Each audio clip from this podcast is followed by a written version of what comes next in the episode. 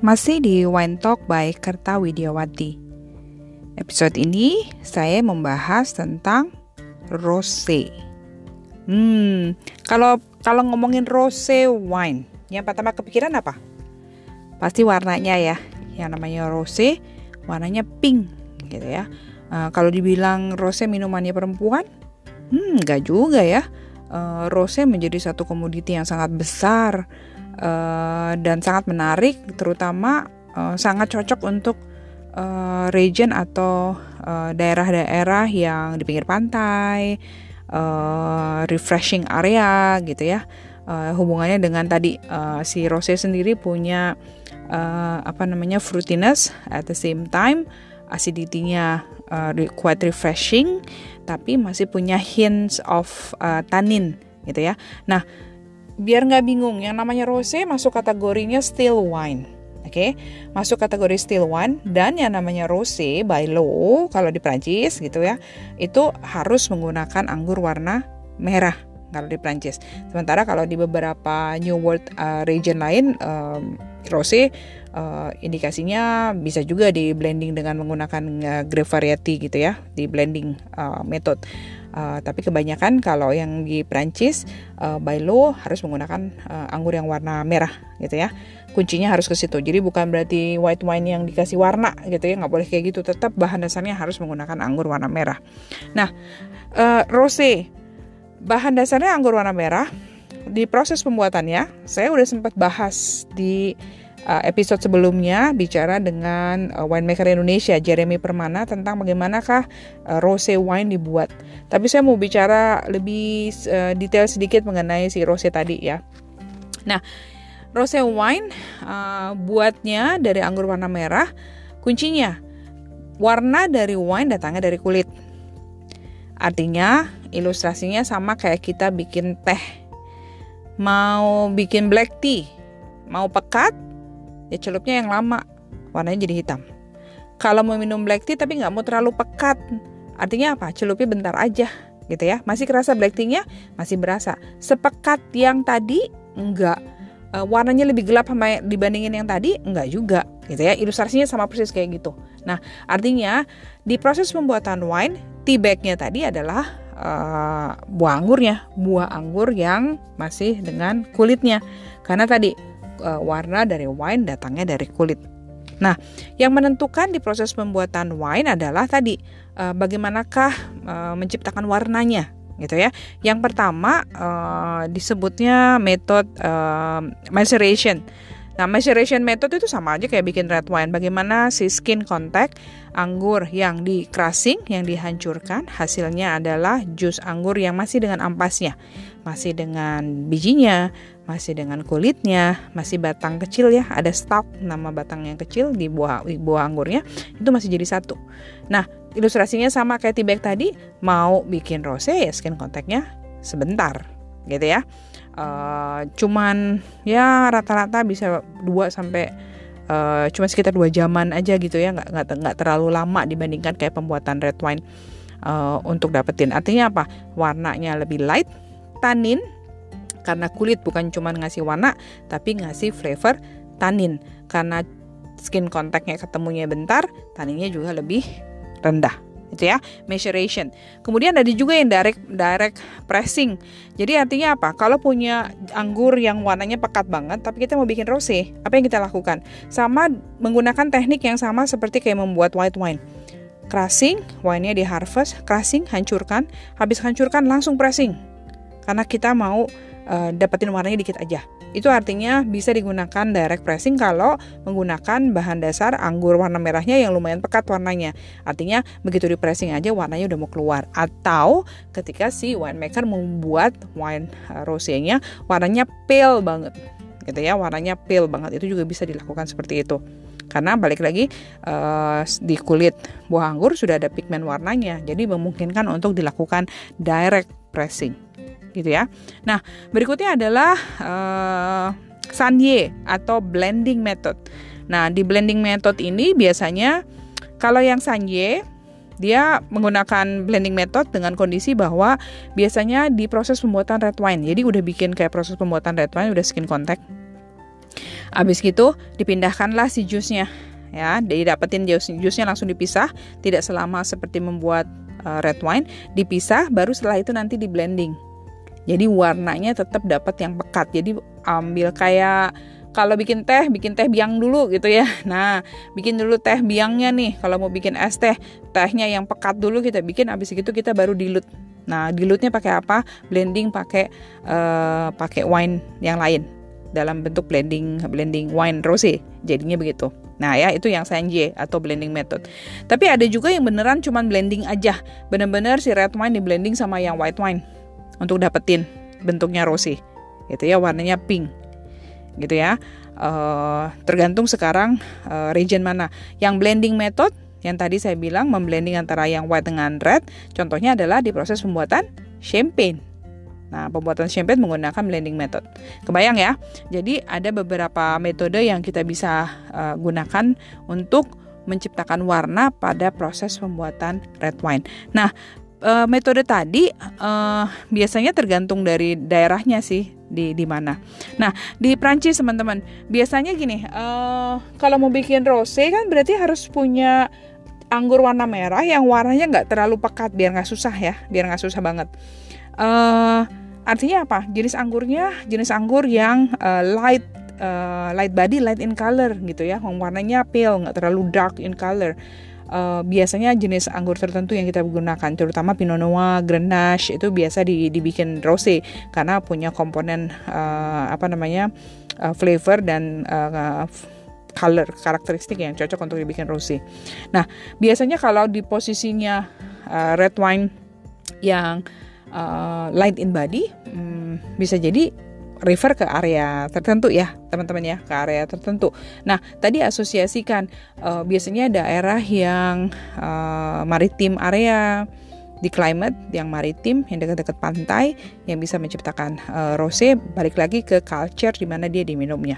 Nah di Prancis uh, yang paling terkenal rosé uh, terutama di Provence di Provence area tuh di Rhone Valley uh, daerah yang paling South area di Prancis di bawah ya yang berdekatan dengan daerah pantai.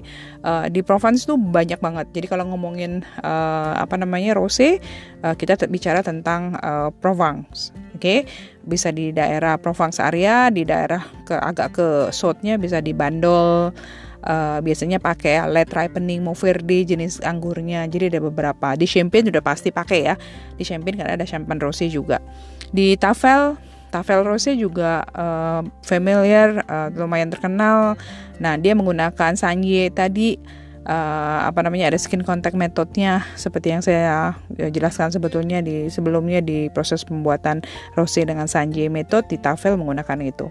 Di Ron di Ron uh, area uh, Gigondas contohnya uh, dia pakai Syrah sama Mourvedre, ada Grenache juga yang dipakai grape variety-nya. Uh, kemudian di di CDP Chateau de Pape di bagian utaranya terutama di utaranya Tafel itu ada lirak. Nah di daerah lirak juga ada uh, sparkling wine. Biasanya dipakai yang dibuat adalah dry rosé ya. Uh, dry rosé yang biasanya dipakai hmm, kebanyakan pakainya itu sin salt, Mourvedre, Syrah, Karingang uh, itu jenis-jenis anggur yang biasanya dipakai juga uh, untuk pembuatan terutama di daerah uh, Rhone uh, Valley. Di Loa, nah di Loa Valley masih di Prancis, uh, partikularnya di area Anjou, uh, di Anjou, di Anjou Wine, uh, daerah sana di Anjou uh, itu banyak ditemukan juga uh, apa namanya sparkling wine di Samur, di Torain uh, itu uh, daerah masih di daerah Rhone Valley, di situ bisa ditemukan. Kebanyakan mereka pakainya uh, Pinot Noir, pakai Gamay, uh, grape variety-nya ya. Jadi di masing-masing region membuat rosenya uh, berbeda-beda tuh uh, jenis anggurnya. Itu yang menarik ketika kita mencicipi rose dari berbagai region karena memang nggak bakalan sama gitu ya karena grape variety-nya aja udah beda. Nah kalau yang di Champagne masih ingat nggak? Kalau Champagne jenis anggurnya by law menggunakan tiga jenis anggur Chardonnay, Pinot Noir, Pinot Meunier. Chardonnay white wine, Pinot Noir, Pinot Meunier adalah red grape. Chardonnay, white grape. Jadi ketika membuat eh, champagne, walaupun champagne berwarna putih, white wine, dia memblending antara tiga jenis anggur, antara white dan red wine. Nah, untuk pembuatan champagne rosé-nya sudah pasti yang dipakai adalah Pinot Noir dengan Pinot Meunier-nya. Itu yang dipakai biasanya. Oke, mana lagi nih? Di uh, Languedoc Languedoc Roussillon juga ada di Prancis, masih di daerah sana di Jura, kemudian di Beaujolais ya. Uh, nah kalau di Beaujolais pakai grape-nya Gamay, biasanya dia pakai carbonic maceration tekniknya. Uh, jadi free run juice-nya, jadi anggurnya ditumpuk gitu ya dengan berat berat anggurnya sendiri, otomatis anggurnya pecah. Ketika anggurnya pecah keluar airnya gitu ya. Nah itu teknik itu yang digunakan di di di Beaujolais. Di Bordeaux uh, Rose juga ada Uh, tapi pakai pakai grape variety-nya seperti dengan klasik uh, di Bordeaux ada Cabernet Sauvignon, Merlot, Cabernet Franc, uh, Petit Verdot sama Cabernet itu juga dipakai di daerah Bordeaux untuk pembuatannya. Nah, kalau di Itali istilahnya kalau di Itali disebutnya bukan rose tapi rosato. Oke. Okay? Di Itali disebutnya rosato. Uh, sama juga sih uh, apa namanya? Hmm, masih kategori rose. Uh, di Spain rosado. Beda ya. Itali rosato, di Spanish rosado. Oke, okay? nah itu uh, apa namanya penyebutan terhadap rosenya. Di Jerman, di Australia, di Switzerland juga ada. Biasanya disebutnya rose wine atau rose wine, wine gitu ya, rose wine. Uh, penyebutannya seperti itu. Oke, okay, ada beberapa area juga yang menarik uh, apa untuk dilihat. Nah, kalau di USA, nah teman-teman pernah dengar White Zinfandel? White Zinfandel, grape variety-nya adalah Zinfandel. Disebutnya istilahnya adalah White Zinfandel. Itu kalau ngomongin White Zinfandel berarti rosé. Anggurnya adalah anggur Zinfandel, penyebutannya White Zinfandel. Karena nah, yang menarik sebetulnya si White Zinfandel uh, apa namanya? Awalnya tuh mau dibikin red wine. Tapi warnanya kurang pekat, jadi nanggung gitu uh, akhirnya warnanya jadi kayak pale pale pink gitu. Awalnya mau dibikinnya adalah bikin red wine, tapi karena warnanya nggak dapat. Terus apa yang ditambahkan di White Zinfandel? White Zinfandel biasanya rasanya manis. Kalau tadi yang di rose-rose lain yang di Prancis, di Jerman, Jerman mungkin masih ada yang manis ya. Uh, di Prancis terutama di Italia, di di Spain itu kebanyakan uh, dry rose. Uh, sementara kalau di USA, White Zinfandel itu pasti semi sweet rose rasanya pasti manis gitu ya. Jadi pada tahap awal pembuatannya seperti saya bilang tadi, sebetulnya berdasarkan uh, experience-nya mau bikin red wine, tapi warnanya terlalu pale untuk red wine uh, kalau dijual jadi rose nanggung, mau dibikin red wine terlalu muda, apa yang dilakukan? Yang ditambahkan sama orang USA adalah ditambahkan sugar. Orang Amerika suka manis ya. Akhirnya dapatlah kategori baru gitu kan, uh, masuk ke kategori uh, rose uh, semi sweet dan mereka menyebut, menyebutkan uh, si Zinfandel rose tadi jadinya white Zinfandel. Jadi ingat kalau nemu white Zinfandel berarti semi sweet rose. Nah, Rose biasanya diminum as uh, young as possible. Jadi dibuat untuk diminum sesegera mungkin. Yang dicari adalah freshness karakteristik karena balik lagi berdasarkan flavor komponennya, bayangin masih punya acidity, masih punya freshness of the fruitiness, aromanya biasanya very aromatic, at the same time masih punya tanin walaupun cuma dikit Betul nggak? Tanin, mineral datangnya dari mana? Datang dari kulit dan buahnya tadi. Itu yang membedakan dia uh, berbeda dibandingkan dengan white wine. Bisa di aging nggak sih? Hmm, bisa di aging, tapi balik lagi, wine itu uh, pigmen warna yang ada di wine ketika dia agingnya lebih lama, warnanya berubah ya teman-teman ya. Nah sekarang perhatikan, rose biasanya kan warnanya pink, bisa jadi salmon sampai ke orange gitu ya, warnanya bisa sampai tone-nya ke sana itu tergantung dari aging prosesnya. Artinya semakin lama si rose tadi yang awalnya dibuat warnanya pink, ketika disimpannya lama, warnanya bisa berubah menjadi lebih darker in color. Warnanya lebih ber berubah. Uh, agak nggak very common rose dibuat uh, di aging di oak barrel, tapi ada juga uh, di beberapa region uh, menggunakan uh, oak barrel gitu ya. Contohnya di mana nih kalau mau pakai oak barrel? Uh, di Garus uh, atau Les Clan uh, masih daerah di Prancis itu uh, menggunakan old uh, oak aging rose. Jadi rosenya rosenya di aging di oak barrel. Pastinya tidak menggunakan aging yang uh, apa namanya oak barrel yang baru, yang pasti sudah beberapa kali pakai biar nggak terlalu kuat flavornya. Tapi ada juga uh, stylenya yang seperti itu gitu ya. Uh, bisa di aging balik lagi semua wine bisa di aging kalau punya foundation yang uh, sangat baik uh, mulai dari jenis anggurnya metode pembuatannya dan segala macam. Contohnya kayak di Bandol. Di Bandol area masih di Prancis itu uh, aging rosenya masih bisa di aging bisa sampai 3 sampai 5 tahun. Gitu ya prosesnya. Walaupun balik lagi yang namanya rose it will be better to drink as young as possible. Artinya kalau as young as possible gimana sih? Vintage. Nah nunjukin vintage vintage misalnya 2018 uh, sekarang 2020 cepatlah diminum gitu ya. Proses pembuatan satu tahun uh, setahun kemudian umurnya baru kita minum gitu ya. Balik lagi yang namanya wine tidak ada best before-nya. Tapi yang kita mau cari adalah maximum flavor development di, dari proses pembuatannya uh, terhadap wine flavor karakteristik dari uh, anggurnya sendiri di dalam botol. Itu yang kita mau cari. Oke? okay? Uh, di uh, champagne kalau di champagne ada vintage rose misalnya gitu ya. Nah, itu bisa exception tuh. Rose yang di vintage champagne bisa agingnya lebih lama gitu ya. Uh, exception uh, dibandingkan dengan uh, rose yang di still wine. Jadi kalau champagne vintage rose uh, bisa di agingnya lumayan uh, lumayan lama juga. Oke. Okay.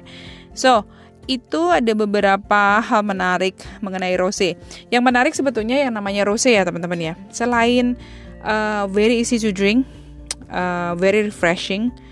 Uh, bayangin kalau minum rose by the pool, by the beach, uh, summer itu itu kliknya dapat banget itu karena seger banget. Selain itu adalah rose menjadi salah satu uh, jagoan kalau kalau wine food pairing. Uh, biasanya banyak sekali uh, makanan dengan apalagi kalau makanan Indonesia ya dengan tingkat bumbu gitu ya bumbu yang banyak spice yang banyak itu biasanya quite uh, goes very well with rose jadi salah satu jagoan untuk pairing wine ternyata juga rose walaupun rose bisa diminum as it is cuman buat minum tapi ketika dia di pairing dengan makanan itu juga menjadi salah satu hal yang menarik dari rose gitu ya. Uh, si rose mulai dari mau ingetin aja rose kita bisa dapetin mulai yang dari dry sampai dengan yang sweet rose Oke, okay? uh, di beberapa region bisa berlaku. Jadi kita bisa temukan ada dry, uh, semi sweet sampai dengan sweet rose. Uh, jadi balik lagi uh, perceptionnya mesti dirubah. Yang namanya rose tidak selalu uh, manis. Yang jelas fruitinessnya dan acidity very refreshing karakteristik. Biasanya light and fruity gitu ya uh, karakteristik yang seperti itu yang didapatkan dari uh, dari rose. Oke, okay? semoga uh, cukup menarik pembahasan kita mengenai rose. Hmm, sampai episode berikutnya uh, masih di Wine Talk by Kerta Widiawati. Kita akan bahas terus hal-hal menarik mengenai wine uh, biar understanding kita terhadap wine itu sendiri berdasarkan tipe, jenis dan segala macamnya uh, bisa kita dapatkan melalui podcast ini. Oke, okay? sampai episode berikutnya. Bye.